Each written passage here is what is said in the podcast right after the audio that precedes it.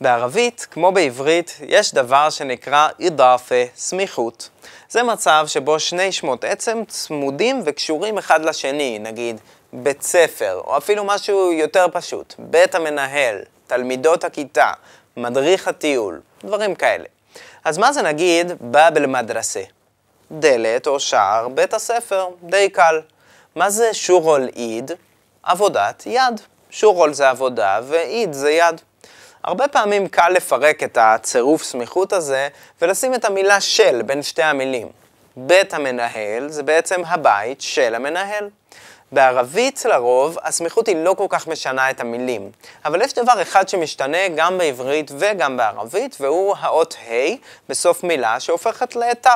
נגיד אני יכול להגיד חברה, אבל חברת החשמל. גבעה, אבל גבעת שפירא. אין לי מושג למה חשבנו על הדוגמה הזאת. אז איך זה בערבית? ג'מעה, אוניברסיטה. אבל ג'מעת אל-עודס, אוניברסיטת ירושלים. שומעים את התף? אותו דבר קאסה, שזה כוס, אבל קאסת מי, כוס מים, למדנו את זה. רורפה זה חדר, אבל רורפת לאולד, חדר הילדים. כל מה שעושים זה להפוך את הה' לת'. בערבית משתמשים הרבה מאוד בסמיכות, פשוט כדי להגיד על משהו למי הוא שייך. בעברית אנחנו לא כל כך עושים את זה, זה נשמע גבוה מדי. נגיד אם אנחנו נגיד מכונית חברי, זה גבוה, אבל בערבית ממש ממש אומרים סיירת סחבי, מכונית חברי. אז סיימנו עם נושא הסמיכות, אבל יש עוד מקרה שבו הה' בסוף מילה משתנה לת', גם בערבית וגם בעברית. אתם מצליחים לחשוב על מקרה כזה?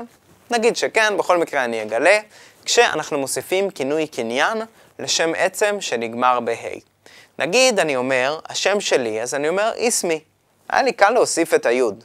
אבל איך אני אומר המשפחה שלי? בעברית, משפחתי. ובערבית, אם אני אשתמש במילה אלה נגיד, אז אלתי. מה קרה? גם היה איזשהו שינוי בתנועה במילה, מעלה לעלתי, אבל גם אנחנו רואים שהה' השתנתה לת'. בואו נטה את המילה בכל הגופים, ואז נלמד את הנטייה. המשפחה שלי, או משפחתי, אלתי. במקום אלה, אלתי. מה קרה? הפלתי את התנועה, לא אמרתי עלתי, אלא אלתי. איך נגיד משפחתך? עלה, עלתק. משפחתך, עלתק. משפחתו, עלתו. עד פה היה די פשוט, רק הוספנו אות אחת. אי, אק, אק. איך אנחנו נוסיף ה, נא, קום או הום בשביל משפחתה, משפחתנו, משפחתכם ומשפחתם? קשה קצת להגיד אלתה, אלתנה, אלתקום, אלתהום. לכן אנחנו מוסיפים פשוט תנועת אי קצרה כזאתי, וגם מעבירים את ההתאמה, טיפה קדימה. מה יוצא לנו? המשפחה שלה, אלתה.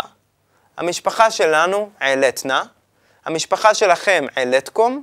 והמשפחה שלהם, אלתהום. רוצים עוד דוגמה? מדרסה כמובן.